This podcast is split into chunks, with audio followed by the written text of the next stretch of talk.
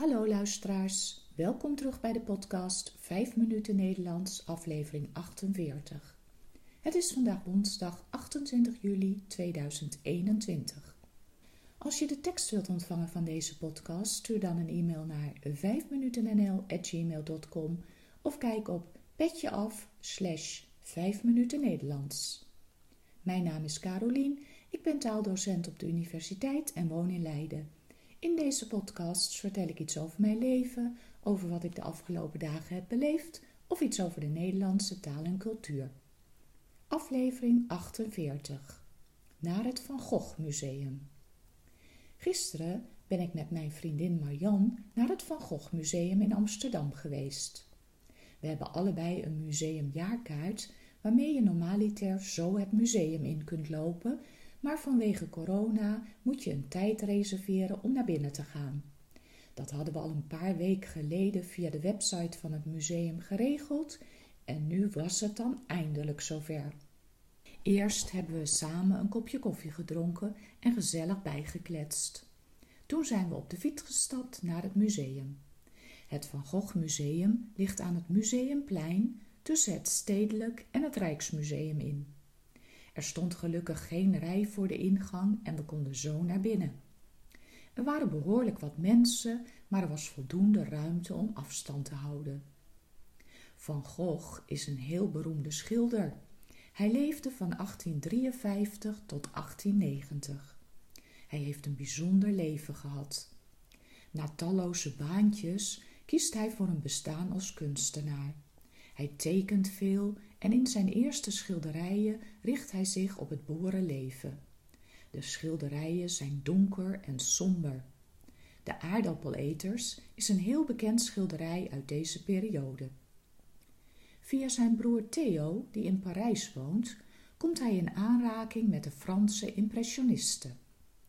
Vincent wordt hierdoor geïnspireerd en gaat experimenteren met kleuren. Hij verhuist naar Arles in het zuiden van Frankrijk. Hij schildert hier veel landschappen in felle kleuren. Hemelsblauw en goudgeel kenmerken zijn schilderijen. Hij gebruikt de restjes wol in verschillende kleuren om te kijken wat goed bij elkaar paste. In het museum staat nog een doos met die kleurtjes wol. Ook maakt hij in die tijd veel zelfportretten, omdat hij geen geld heeft voor een model. Hij krijgt echter steeds meer psychische problemen. Na een ruzie met zijn schildersvriend Gauguin snijdt hij een deel van zijn linkeroor af. Op een aantal zelfportretten staat hij afgebeeld met een verband om zijn oor. Hij laat zich opnemen in een inrichting, maar blijft schilderen.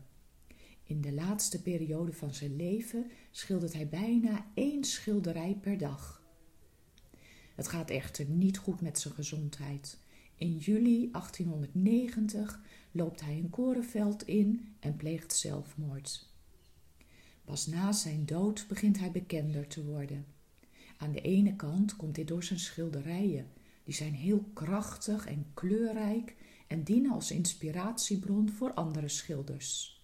Aan de andere kant is zijn levensverhaal ook heel boeiend.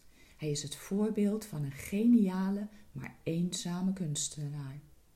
We weten zoveel van zijn leven omdat hij heel veel brieven heeft geschreven.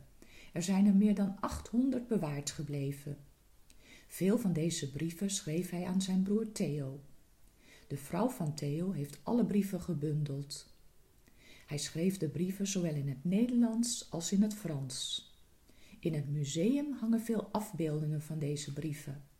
De originele brieven zijn niet tentoongesteld omdat ze te kwetsbaar zijn.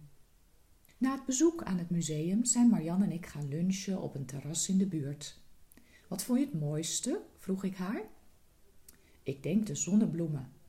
Daar straalt de zon van het schilderij af, zei Marjan. En wat heeft je het meest verbaasd? Het schilderij met de schedel die een sigaret aan het roken is. We moesten er allebei om lachen.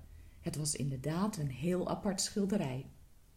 We hebben erg genoten van ons museumbezoek en de prachtige schilderijen. En allebei vonden we het ook een beetje triest hoe Vincent de laatste jaren van zijn leven heeft moeten doorbrengen. Dankzij de vrouw van zijn broer Theo en hun zoontje zijn de schilderijen niet verloren gegaan en is uiteindelijk het Van Gogh Museum opgericht. Dit was het weer voor vandaag. Veel dank voor het luisteren. Ik wens je een hele fijne dag en tot de volgende keer. Dag!